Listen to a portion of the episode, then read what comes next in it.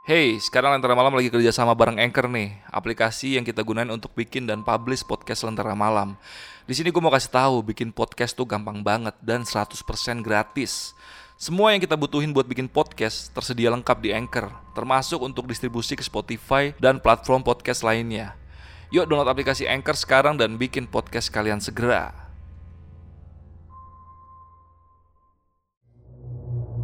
Assalamualaikum warahmatullahi wabarakatuh. Baik lagi di Lentera Malam bareng gue Adit dan sekarang kita lagi di segmen podcast Saksi Misteri. Di sebelah gue udah ada narasumber nih yang akan bercerita tentang pengalaman mistisnya. Selama dia tinggal kurang lebih lima tahun di rumah yang bisa gue bilang cukup angker lah ya. Karena karena tadi kita sempat ngobrol dulu sama narasumbernya dan supaya lebih jelas lagi biar narasumbernya aja yang kita tanya-tanya nanti. Udah kita kenal dulu sama narasumbernya. Mas Sigit, Mas Sigit, Apa kabar, Mas? apa kabar? Saya Satu Sadid. Wah ini tinggal kurang lebih lima tahun ya Kurang lebih lima tahun. di rumah yang menurut gue ya karena kita, Banyak gangguan ngobrol lah, ya, betul, itu cukup betul. angker lah ya. Bisa dikatakan demikian. Ini kejadian tahun berapa mas? Tahun 2000-an sih, Mas. 2000-an. Eh, Iya, kurang lebih ya 99 2000-an awal lah. oh, kayak gitu. Jadi awal mulai bisa masuk ke rumah itu gimana tuh mas? Jadi ya itu tawarin dari saudara Mm-mm. eh, untuk menempati rumah tersebut sih. Oh, Gitu. Karena rumah tersebut sudah lama kosong, terbengkalai dan kita pun juga sebelumnya ngontrak ke mana-mana gitu Iya, kan. iya, iya. Em, mungkin orang tua ditawarkan dan akhirnya diputuskan untuk kita tinggal di situ. seperti iya, itu. iya. Berarti intinya Mas Sigit dan keluarga diminta sama saudara untuk tinggal di rumah itu. Ya, Ya buat ngerawat lah. supaya Ngerawat lah sekalian, ngerapihin, betul. amat gitu. Betul. iya. Daripada ke mana-mana ada rumah itu kosong aku ini ya tinggalin dan sekaligus dirapihin lah kasar dirawat lah kasar gitu. Iya, Dan ternyata itu menjadi salah satu awal mula Mas Sigit cukup trauma ya dengan Eh, hal-hal seperti itu ya. iya. Mengenal dunia itu lahir Iya, iya, Ya, iya, betul, iya. betul. Dan di cerita Mas Sigit ini ada sosok yang menurut gue cukup creepy ya. Jadi buat kalian nanti tonton video sampai habis, nanti ada sosok nih yang disebut sama Mas Sigit itu kayak hantu perempuan tapi Berhijab. hijab ya Mas. Betul, berhijab dia. Dan itu adalah latar belakangnya nanti Mas Sigit juga bakal cerita. Jadi jangan ada yang di skip videonya. Ya udah jadi sebelum Iya, iya. kalian dengar cerita dari Mas Sigit, gue mau infoin sekali lagi nih buat kalian yang punya cerita mistis dan pengen banget nih share ceritanya ke kita. Kalian bisa langsung aja DM ke Instagramnya Lentera Malam di lenteramalam.id. Jadi kalian wajib banget untuk siapin dulu voice note dari cerita kalian biar kita bisa dengar dulu ceritanya. Nanti bakal kita undang untuk datang ke Lentera Malam. Nah, jadi tunggu apa lagi? Buat kalian yang pengen kita undang, langsung DM ke Instagramnya Lentera Malam. Dan gak usah lama-lama lagi. Sebelum kalian dengar cerita dari Mas Sigit, kalian tonton dulu yang satu ini.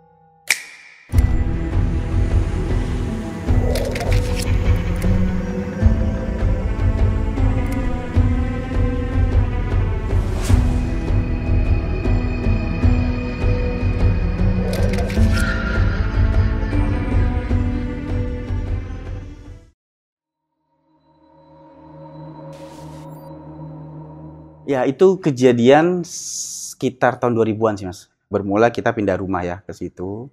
Di karena kebetulan sebelumnya kita ngontrak-ngontrak dan ada keluarga yang punya rumah saudara uh, menawarkan untuk menempati rumahnya. Oh, Dalam kondisi rumah sih pada saat itu memang kondisi uh, rumah tua uh, dan ya berantakan sekali lah kondisinya dan memang tujuan kita di situ untuk sekalian beres-beres atau uh, rapi-rapiin lah ya kayak gitu Iya. ngerawat lah seperti itu. merawat Mas. rumah yang udah betul terbengkalai gitu betul lah ya. karena kondisinya itu rumah tersebut lumayan luas Uh, bahkan dari gerbang utama itu sampai ke pintu rumah itu sekitar kurang lebih 20 sampai 30 meteran lah luas banget berarti ya. Uh, ya lumayan lumayan mas Iya, iya, lumayan iya, iya. Nah, sepertinya dulu itu ada bangunan utuh, cuma sebelah mungkin di- dirobohin ya, Mas. Uh, Hmm. saya rasa karena di sebelahnya kiri itu ada puing yang udah menggundung gitu dan itu ditumbuhin pohon-pohon pisang ya kurang lebih hampir 20-an pohon pisang. Ya, Terus ya. di sebelah kanan pun rumah ada pohon mangga besar, jambu di depan rumah. Jadi memang kondisi suasana itu udah rimbun lah dan Rimbun. alang-alang tuh juga udah lumayan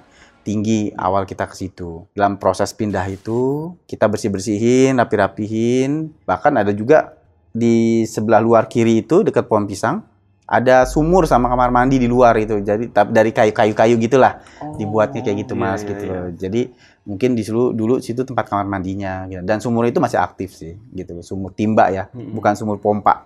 Iya, dan Kayak rumah gitu. ini udah terbengkalai berapa lama?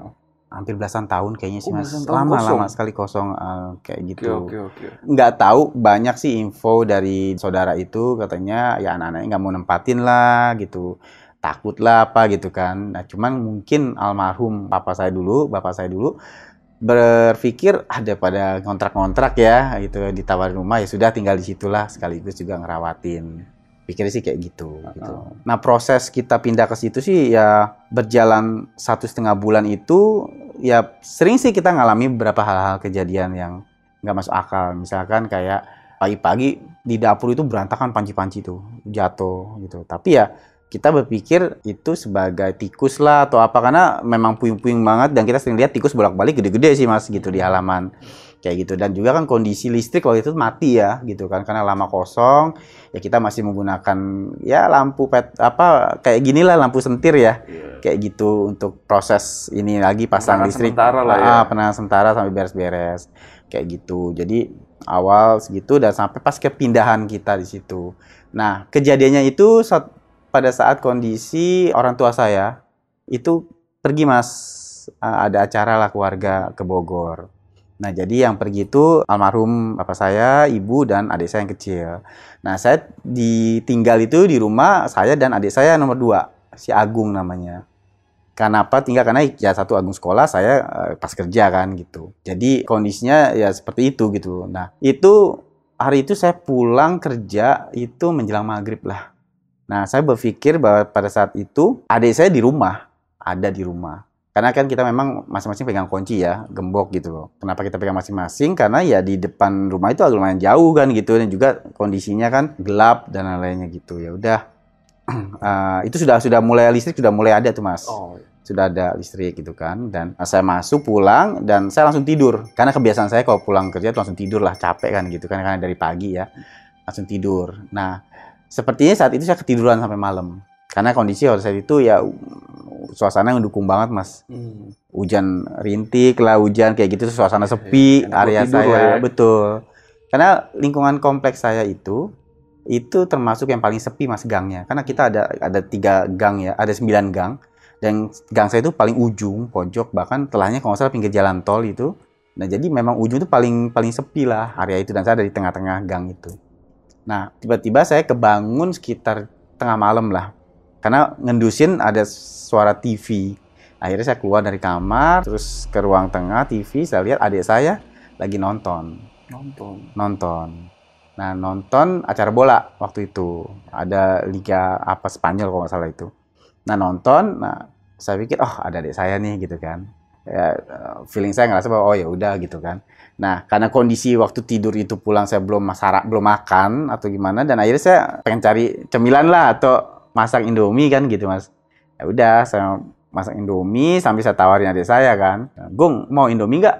Gitu kan. Biar sekalian dimasakin sama mas gitu kan. Nah, adik saya cuma nengok doang mas. Karena memang adik saya itu karakternya gitu ya. Maksudnya dingin uh, terus uh, introvert lah kayak gitu lah ya. Terus iya. uh, sinis gitu loh. Jadi dia cuma nengok tanpa senyum terus nonton lagi? Nah. Nggak ada kata-kata yang keluar dari mulut. nggak ada nggak ada mas. Karena paham dengan karakter saya kayak begitu saya pikir ah udahlah ini anak lagi lagi mudian nih kayak gitu kan. Akhirnya udah. Nah saya ke belakang tuh mas dapur. Nah dapur kita di belakang itu kan kebuka mas ya. Artinya kebuka dan dapur duluan baru kamar mandi. Orang kalau misalkan eh, mau ke kamar mandi pasti ngelawatin saya. Gitu loh. Pada saat lagi saya asik masak indomie itu tiba-tiba dari kamar mandi itu suara pintu kunci kamar mandi kebuka plotek gitu loh. Dan pintu kebuka panik dong. Saya saya ngerasa kayak siapa ya gitu kan. Karena saya berpikir kita cuma berdua nih saya sama adik saya doang. Adik saya lagi nonton di ruang tengah gitu loh. Tiba-tiba adik saya yang keluar mas dari kamar mandi. Shock dong saya kaget gitu. Wah, Gung lu dari kapan kamar mandi? Kapan kamar mandinya kok? Mas nggak lihat gitu kan. Nah, adik saya dengan karakter dia nih mas yang, yang saya kenal dia bilang gue dari tadi di dalam mas. Buang air besar. Kenapa ya mas bukannya gue lihat lo nonton di di di ruang TV TV. ya. Enggak, orang gue dari tadi di dalam buang air besar. Kenapa sih? Dia bilang gitu. Dengan adanya sinis dia gitu kan. Dia bilang, terus yang di kamar yang di kamar tengah tuh siapa yang nonton itu di ruang TV? Hah? Lu jangan ngaco ah gitu. Benar gitu kan. Orang jahat kali kata adik saya gitu kan. "Eh, Coba cek yuk, coba cek. Bawa apa deh bawa apa gitu? Panci apa? Gitu kan. Akhirnya saya bawa teflon mas. Gitu. Karena di situ yang ke ke ke hampir gitu ya yang buat goreng telur tuh. Iya, iya. Yang kayak gitu kayak teflon lah ah, iya. gitu kan. Udahlah dan lagi-lagi adik saya bilang lu paling depan mas. Gue di belakang. Ya lagi saya nurutin gitu. Karena saya merasa bahwa oh ini karakter adik saya ini saya kenal gitu loh. Iya. bisa dia. Akhirnya ya karena dengan dengan penasaran gitu kan juga ya shock juga gitu mas. Ya kita ngendap-ngendap lah ke ruang tengah gitu dari dapur kan lihat pelan-pelan gitu kan. Nah pada saat kelihatan ruang tengah gitu dan adik saya juga melihat di belakang oh iya bener mas. Siapa itu ya? gitu. Ada sosok di situ lagi duduk. ada sosok yang lagi duduk nonton bola itu mas gitu. Iya, iya, iya. yang yang saya anggap tadi adik saya gitu kan. Nah itu menambah keyakinan saya dong karena yang di belakang saya ini adik saya mengatakan iya mas siapa itu mas ya? Gitu artinya diyakinkan sama dia Iya, iya. gitu udah dong akhirnya saya samperin pelan-pelan Nah, jarak kira-kira setengah meter lah ya adik saya nengok mas yang lagi nonton Iya, iya. nengok ke saya mas lo ngapain bawa bawa gituan gitu loh Bawa telepon itu. Iya. Mau mukul gue. Salah gue apa, Mas? Tek, saya di situ makinan lemesnya kayak apa gitu. Kayak gitu ngomongnya gitu dan itu sinisnya tuh karakter adik saya banget juga gitu. Mm-mm. Terus dengan spontan saya bilang, "Lu siapa?" "Gua adik lo." "Lo kenapa sih, Mas? Ada apa sih?" Diyakinkan dengan yang sinikal dia gitu, Mas, yang Iya. yang benar-benar yang karakter dia yang apa ya, yang sinis lah gitu loh. Iya, yang mas kenal lah pokoknya. Iya betul. Saya bilang, lu bener Agung? Ih, gua Agung. Lo kenapa sih mas? Ada apa sih? Aneh banget gitu. Hmm. Lo li lihat orang di belakang gua nggak? Mana lo sendirian dari tadi? Lo ada apa sih? Aneh banget sih lo. Di situ saya langsung kayak orang lemes, jatuh aja mas di lantai itu blok. Nah, adik saya bangun dari sofa ngam- nyam- nyamperin saya, angkat saya mas. Dan itu kan bikin saya makinan yakin bahwa itu adik Iya. saya mas. Dengan dibantu saya ke sofa, duduk, lo kenapa sih mas? Akhirnya saya cerita, Gung, tadi di belakang pas masak Indomie, di kamar mandi ada orang keluar. Dan itu wajah mirip sama kamu. Masa sih mas? Wah ini ada yang nggak beres nih saya bilang gitu kan. Ini nggak ada yang beres nih Gung. Ya walaupun dalam hati juga bertanya sih mas ini siapa juga nih di, di ini Hmm. sofa kan kan. Tapi dengan kondisi kayak gitu dia care segala macem ya sedikit teryakini bahwa oh ini adik gue deh gitu kan. Iya, iya. Karena saya nggak ada pesan ataupun apa, adik saya keluar atau ke mana gitu kan, gitu. Karena saya pikir ah sama adik saya gitu. Terus saya bilang ya udah deh kita tidur aja deh, nggak beres nih gitu kan. Mm-mm. Tapi temenin dulu matiin kompor ya gitu. Ah, yaudah akhirnya kita ke belakang matiin kompor, terus sambil cerita-cerita, udah deh kita kamar aja tidur gitu kan. Nah udah sampai di kamar. Nah kebetulan juga kan kamar saya itu kayak kamar dulu mas yang yang tingkat gitulah ya. Oh, yang tempat tidurnya atas bawah. Ada tangganya tuh loh. Ada tangganya. Iya, Iya, tahu, kayak gitu tahu, yang besi ya Iya, iya. kayak gitu. Nah, saya tidur di bawah, adik saya kan ke atas gitu kan. Nah, saya bilang, Gung, eh, bawa handphone. Nanti kalau misalkan ada apa-apa, gue telepon gitu kan, teleponan aja gitu kan. Jelang kurang lebih 6, ya setengah jam lah mas ya. Antara tidur dan nggak tidur gitu kan, masih kriep-kriep gitu loh mas, karena ketakutan kan. Handphone saya bunyi mas, gitu loh. Handphone saya bunyi dan saya lihat namanya itu call-nya adik saya. Agung. Agung. Saya, saya berpikir bahwa ada apa nih Agung di atas gitu kan, ngubungin gitu. Akhirnya saya angkat. Ya loh, Mas, tolongin dong bukain gerbang. Gue baru pulang nih dari tempat temen gue nonton bola. Di situ tambah aneh-aneh mikirnya shock yang gila apalagi nih gitu loh dalam hati Iya, iya. gitu. Dan akhirnya ya udah, dia bilang serius loh. Iya buruan mas. Gue nggak bawa gue lupa bawa kunci, dia bilang gitu. Beneran? Iya, kenapa sih? Buruan dong, gitu. Malam nih. Wah, saya di situ antara ragu, takut, dan nggak masuk akal dan kayak orang gila gitu mas. Artinya ini apa sih gitu loh? Saya berani diri ngeliat ke atas gitu mas. Ke atas tempat si Agung tidur tadi. Ya gitu kan gitu. Saya lihat, saya intip, wah ternyata ya hanya tempat tidurnya aja yang berantakan gitu kan. Tapi orangnya nggak ada.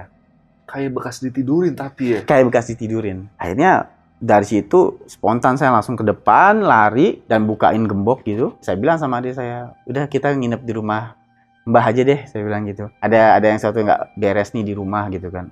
Iya, iya. Kenapa sih mas? Enggak udah kita ini aja eh, tidur rumah Mbah aja saya bilang gitu. Ntar mas ceritain di sana gitu. Nah akhirnya kita berangkat lah mas ke sana gitu. Jadi memang rumah tersebut itu bisa dikatakan dengan kondisi yang istilahnya bangunannya juga masih kayak bangunan tua gitu loh mas. Dan semua jendela juga kayak kayu gitu kan terus juga dengan tanah yang luas kayak begitu tanpa penerangan gitu kan ya akhirnya membuat jadi memang kesannya seperti seperti memang tempatnya kayak gitu-gituan sih seperti itu sih mas nah itulah yang yang akhirnya itu membuat jujur shock juga sih sampai sampai saat ini gitu sih mas Berarti ini adalah kejadian yang cukup uh, Mas Sigit kenang banget ya.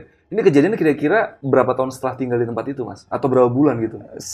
sekitar satu setengah bulan atau dua bulan aja mas ya Oh, masih baru-baru banget. baru berarti baru ya? karena kita masih beres-beres rapi-rapi masih bersihin puing-puing. Karena kan itu memang kondisi rumahnya itu udah rumah tua banget ya rumah hancur lah kasarnya gitu ya. Cuman udah ada bangunan ya ya. terbengkalai. Cuman ada bangunan juga masih berdiri gitu kan. Nah, jadi ya beberapa masih kita perbaikin gitu. Bahkan atas yang bocor-bocor juga kita masih perbaikin. Dapur juga masih masih tanah lah ininya mas gitu. Pulangnya juga masih semen kok. Lantainya bukan bukan lantai keramik atau apa semen kayak gitu loh. Ah, semen yang dihalusin itu iya, kayak iya. gitu gitu Nah, Ini dulu rumahnya itu sebelum kosong. Itu di tempat tinggalin sama siapa, Mas?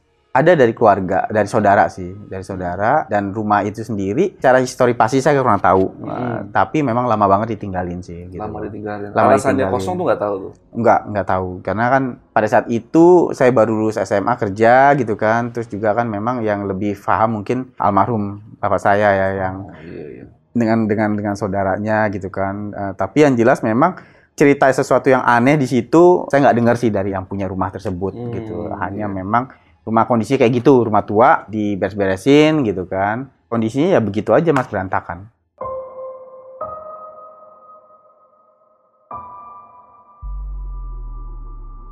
Setelah kejadian itu Mas ya kelanjutan daripada kita tinggal di situ. Iya, iya. Jadi eh, di situ sering kali ada penampakan wanita, ada penampakan wanita, yaitu terutama di, di sumur ya mas ya, Di sumur. di sumur itu yang di arah di luar sebelah kiri itu pojokan. Iya. Dan ini dalam kondisi yang memang sudah kita rapikan nih mas, puing-puing sudah dirapikan, dibuangin karena kebetulan pada saat itu kita sewakan kepada tukang apa sih namanya pool becak becak itu loh mas. Dulu kan masih ada becak lah gitu kan dulu tuh. Nah, jadi itu kita buat tempat ngepulin becak itu. Jadi tanah itu dirapikan dan kita bikin bedeng-bedeng buat tukang becaknya lah yang tinggal di situ. Istirahat di situ. Istirahat. Di sebelah samping itu dekat kamar mandi dan sumur itu. Nah, kamar mandi itu dipakai buat mereka buat mandi itu. Oh, buat iya, tukang iya. becak itu. Jadi dipakai sekarang aktif tuh ya. Aktif tuh pada saat Iya. itu.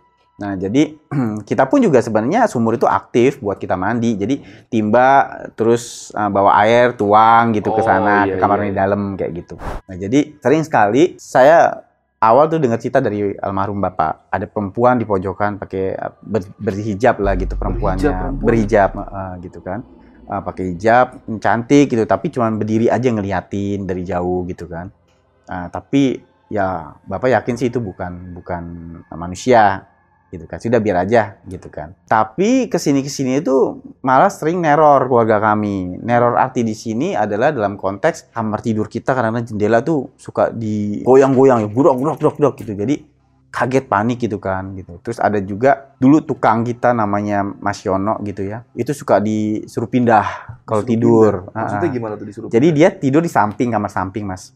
Kamar samping. Jadi itu kadang-kadang suka ada yang bangunin. Bangun pindah kamu. Jangan tidur sini gitu. Jadi ya banyak beberapa kejadian-kejadian seperti itu yang akhirnya bercerita lah pada kami gitu kan. Dan sering kali juga muncul di pada saat malam jam 7 gitu ya kita lagi di ruang tamu di pintu ruang tamu itu dia berdiri aja natep dalam kayak gitu gitu loh. Jadi nah terus sampai akhirnya kita keluarga ganti-gantian sakit mas Sampai gitu. sakit. sampai sakit artinya ya kayak sakit yang memang mengkhawatirkan terutama adik saya yang kecil perempuan karena sampai mimisan sering kejadian tuh adik saya sampai yang uh, ucap bahwa anak ini akan saya bawa kalau misalkan uh, kamu tidak mau istilahnya dekat sama saya lah gitu loh. ngomong ke bapak saya gitu Oh. Nah, artinya ada ada konteks di mana makhluk tersebut lah kata kita anggap ya, itu ada memberikan suatu ancaman lah kata seperti itu gitu loh Mas. Nah, itu itu kejadian-kejadian yang menurut saya sampai segitunya gitu loh penghuni itu dan itu selalu yang sering banget nampakkan yaitu uh, Sosok perempuan itu. Perempuan yang pakai hijab Perempuan itu. itu, betul. Iya. Bahkan kita udah selamatan gitu kan, uh, pengajian segala macam tapi tetap memang dia di situ gitu loh. Nah, sampai juga ada kejadian lucu nih mas. Sekian lama kita nggak ini kan tiba-tiba dia mengandung Si yang mengandung si perempuan yang ini makhluk Hijab ini itu? iya katanya ini adalah anaknya si tukang beca yang di samping namanya kita sebut Bang S lah ya Iya. gitu dan Itu akhirnya sebentar, itu informasinya dari mana itu? dari bapak saya Uh-huh. bapak saya itu kan gitu mas bapak saya entah dia punya kebisaan atau gimana saya nggak ngerti tapi sering banget berkomunikasi sama itu makhluk Oh, Gitu. iya. Dan dia cerita kalau dia lagi mengandung. lagi sosok mengandung itu. betul gitu loh karena Iya. ibarat kata sering lah dengan si ini dalam nah, akhirnya kita coba untuk interogasi kan si tukang becaknya itu. Si S Akhirnya, ini. ya Pak S benar Pak S punya anak gini gini gini gitu kan dia dia mengiyakan bahwa dia sering mimpi melakukan hubungan itu dengan sosok wanita itu Oh. gitu loh Tapi dia ngerasanya dalam mimpi. dalam mimpi. Si Pak S ini. Pak S itu. Dan dia paham kalau dia bakal punya anak dari ini karena dia tahu juga gitu. Dan itu eh, berselang berapa bulan ya akhirnya kita sering lihat juga dan saya sendiri pernah lihat makhluk itu gendong anak bayi. Itu dia mas Hey, sekarang Lentera Malam lagi kerja sama bareng Anchor nih, aplikasi yang kita gunain untuk bikin dan publish podcast Lentera Malam. Di sini gue mau kasih tahu, bikin podcast tuh gampang banget dan 100% gratis. Semua yang kita butuhin buat bikin podcast tersedia lengkap di Anchor, termasuk untuk distribusi ke Spotify dan platform podcast lainnya. Yuk download aplikasi Anchor sekarang dan bikin podcast kalian segera. Dan istilahnya apa ya kita udah berusaha kali berkali-kali untuk kita selamatan bahkan sampai yang sifatnya kita air itu kita pakai belerang ya apa sih? Kalau kata orang belerang sama jeruk nipis ya? Oh, iya. kita siram-siram ke halaman kayak gitu. Itu kita lakukan gitu loh mas yang ada cuma itu tadi bahwa akhirnya membuat keributan yang sifatnya nggak masuk akal gitu mas gitu Iya, iya, iya. entah suara kayak dibanting apa gitu segala macem kayak gitu-gitu sih sopan Dan Mas Sigit ini tinggal di rumah itu kira-kira berapa lama, Mas? kurang lebih lima tahun ya kalau nggak salah, Lima Mas. tahun. kurang lebih lima tahun Tinggal di rumah angker.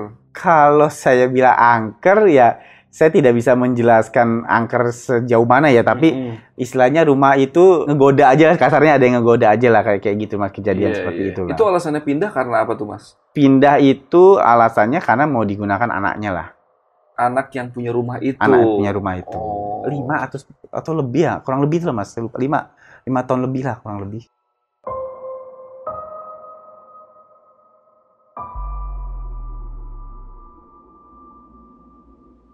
Ada nggak Mas satu lagi cerita yang teringat lah di ingatan Mas Sigit yang mengenai rumah itu, hal mistis lagi gitu.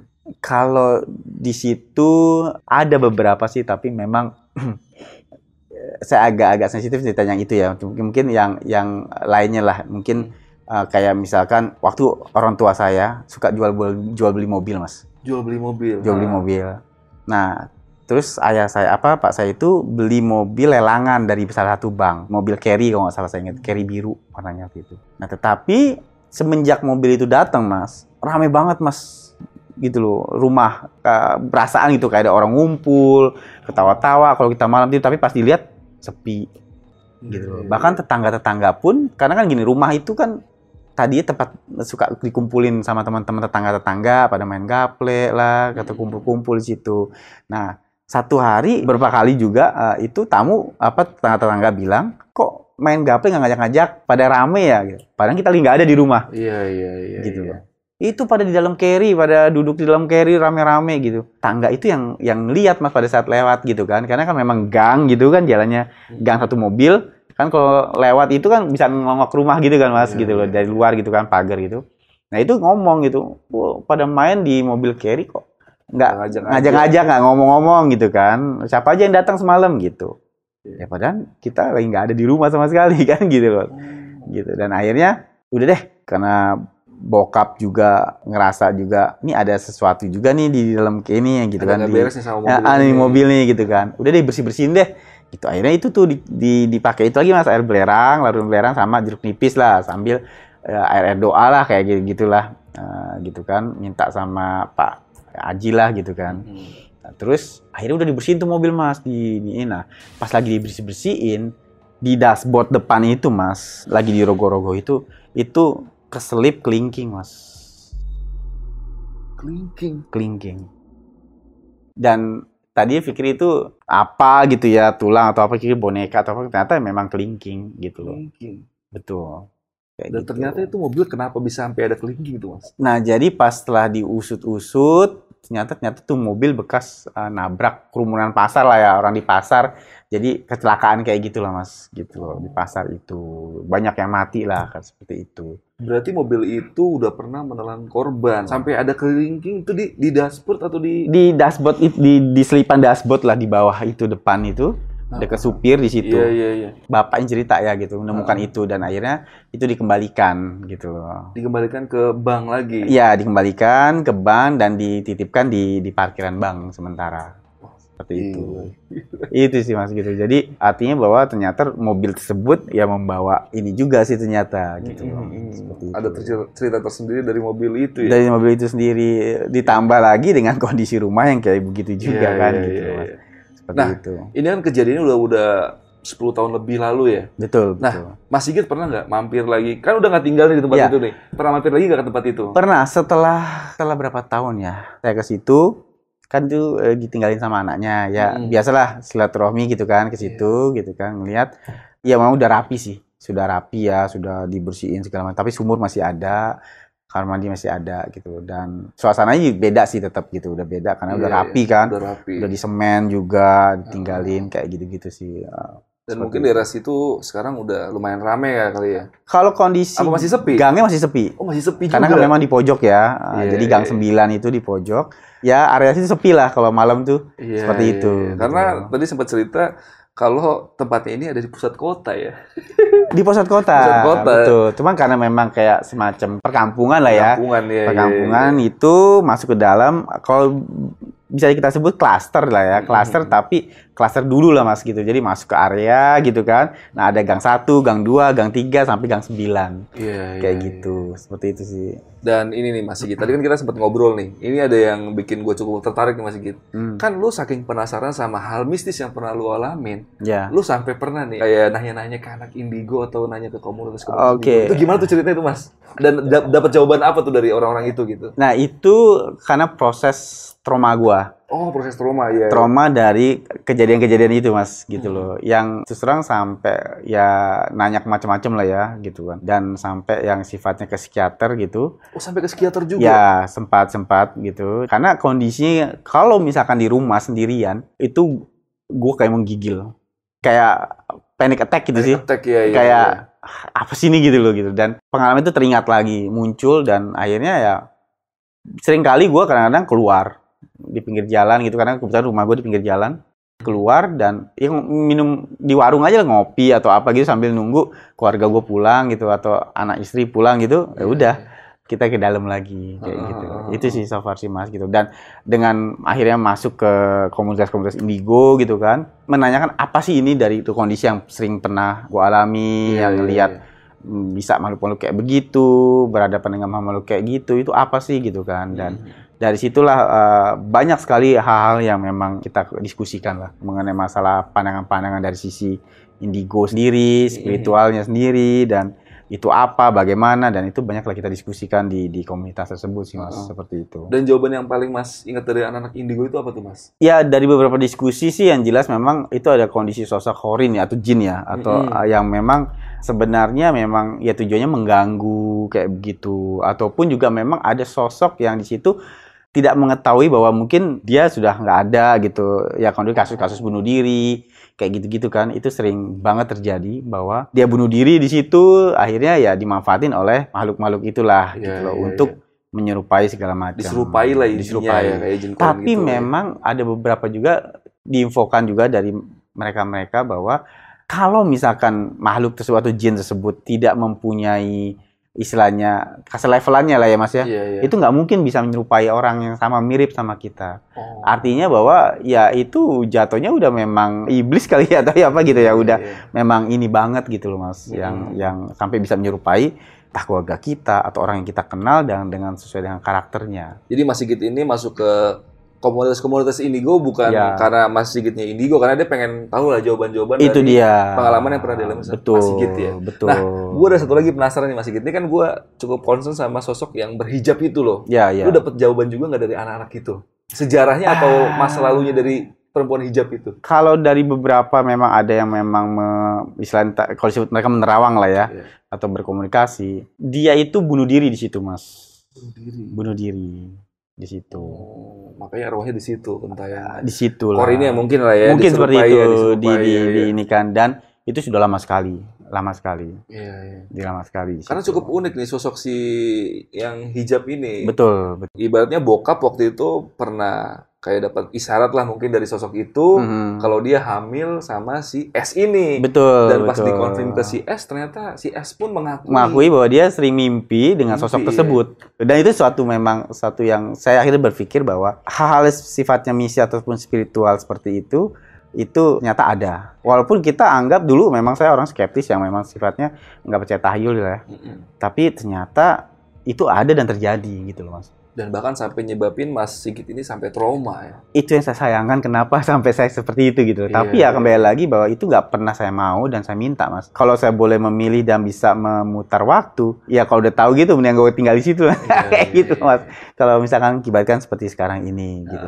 Itu sih so far. Dan Mas Sigit kan pernah sempat mampir ke psikiater ya. Ya ya. Sampai dua kali lah malah ya. Kurang lebih. Dan itu jawaban dari psikiater kalau Mas Sigit ini ngalamin apa sih kayak gitu? Kenapa Ya. bisa sampai begitu gitu? Ya istilah ke dokternya apa sih yang ketakutan yang paranoid apa apa ya kayak gitu ya. Hmm. Yang yang yang begitu seakan-akan tuh kayak dihantui terus kayak di, dibayangin diikutin segala macam kayak Iya. gitu dan ya paling ya mereka bisa mengkondisikannya dengan, dengan obat penenang biasanya atau gimana kayak gitu tapi itu juga nggak baik juga kan gitu mas Oh. Uh, iya, iya.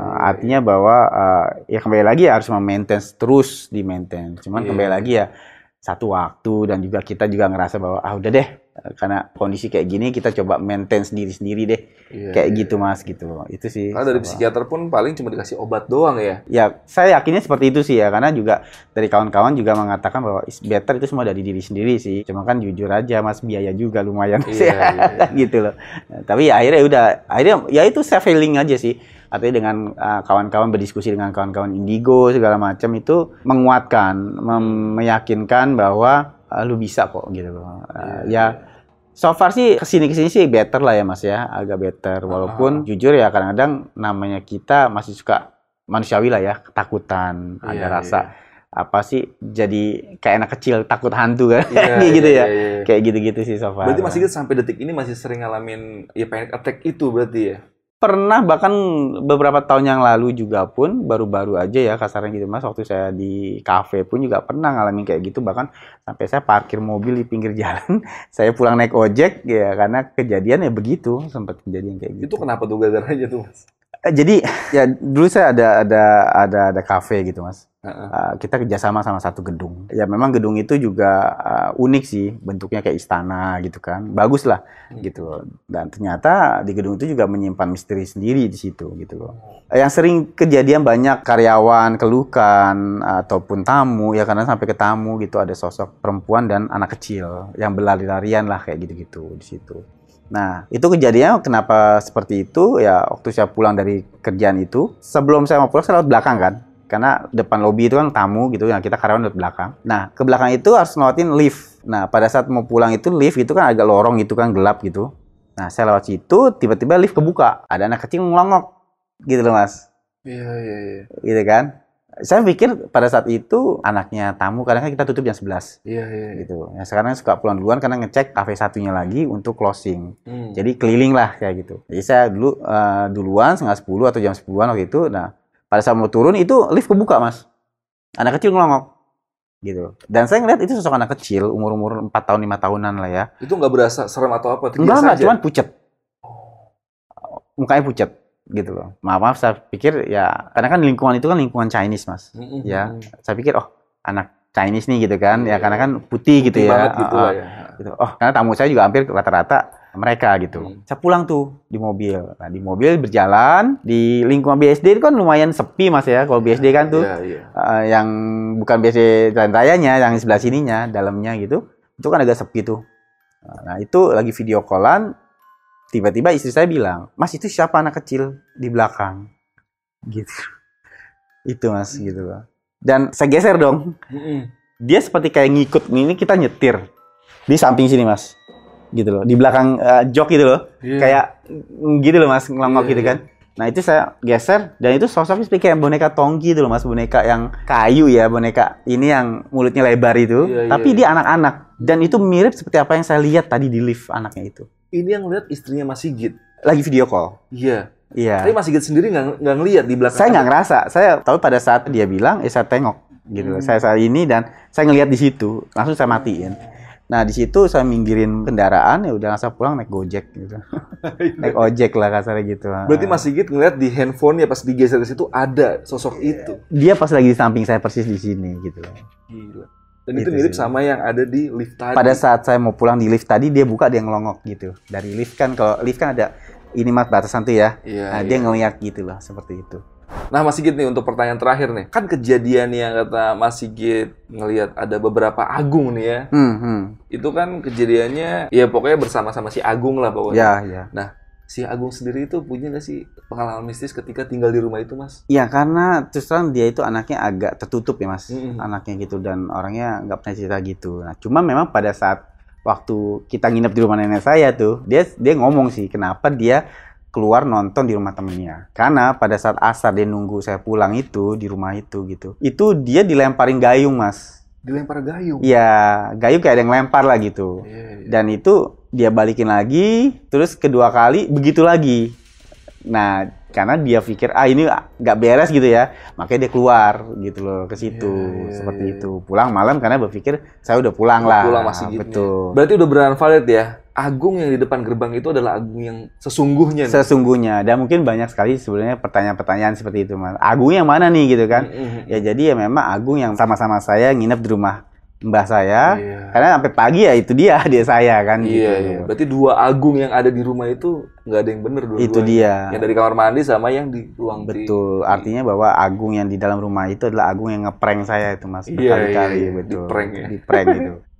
Dan gue mau infoin juga nih kalau Mas Sigit eh, punya usaha clothing ya Mas ya. Sama ya, kafe tadi kan kita sempat baru kafe mulai tuh. betul Itu betul. usaha apa tuh Mas? Kafenya Mas. Oke, Kopinya. eh, coffee kita itu ya coffee shop ya. Eh, jadi eh, kita meneruskan usaha keluarga.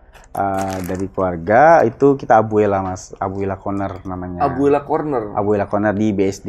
di BSD. Betul. Itu di Google Maps ada lah ya kalau dicari. Ada, ada, Buat ada. yang tinggal di BSD boleh mampir-mampir ke kafenya Mas Sigit. Betul, Dan ini betul. kalau clothing nih apa nih? Kita dikasih nih, gua sama Jamal dikasih baju nih sama Mas Sigit nih. Makasih Ya banget Mas ini Sigit. ini uh, kita coba menindaklanjuti daripada uh, kebetulan kan saya juga di komunitas kopi mas. Oh Nah, iya jadi iya, iya. uh, kita sering adakan pelatihan, dengan adakan acara-acara event kopi kayak gitu. Nah saya hanya ingin mengakomodasi daripada barista-barista ataupun para pecinta kopi untuk memberikan suatu identitas lah kasarnya Oh, gitu. Jadi ya saya iya. bikin uh, kaos-kaos ini untuk mengapresiasi dengan dunia kopi lah. Iya iya. Uh, iya. dan seluk beluknya tentang kopi yang saya Iya. tuangkan di dalam kaos tadi lah. Oh iya, iya. Jadi buat kalian yang pecinta kopi, kalau belum beli baju ini, berarti kalian belum valid nih buat jadi anak kopi. nih.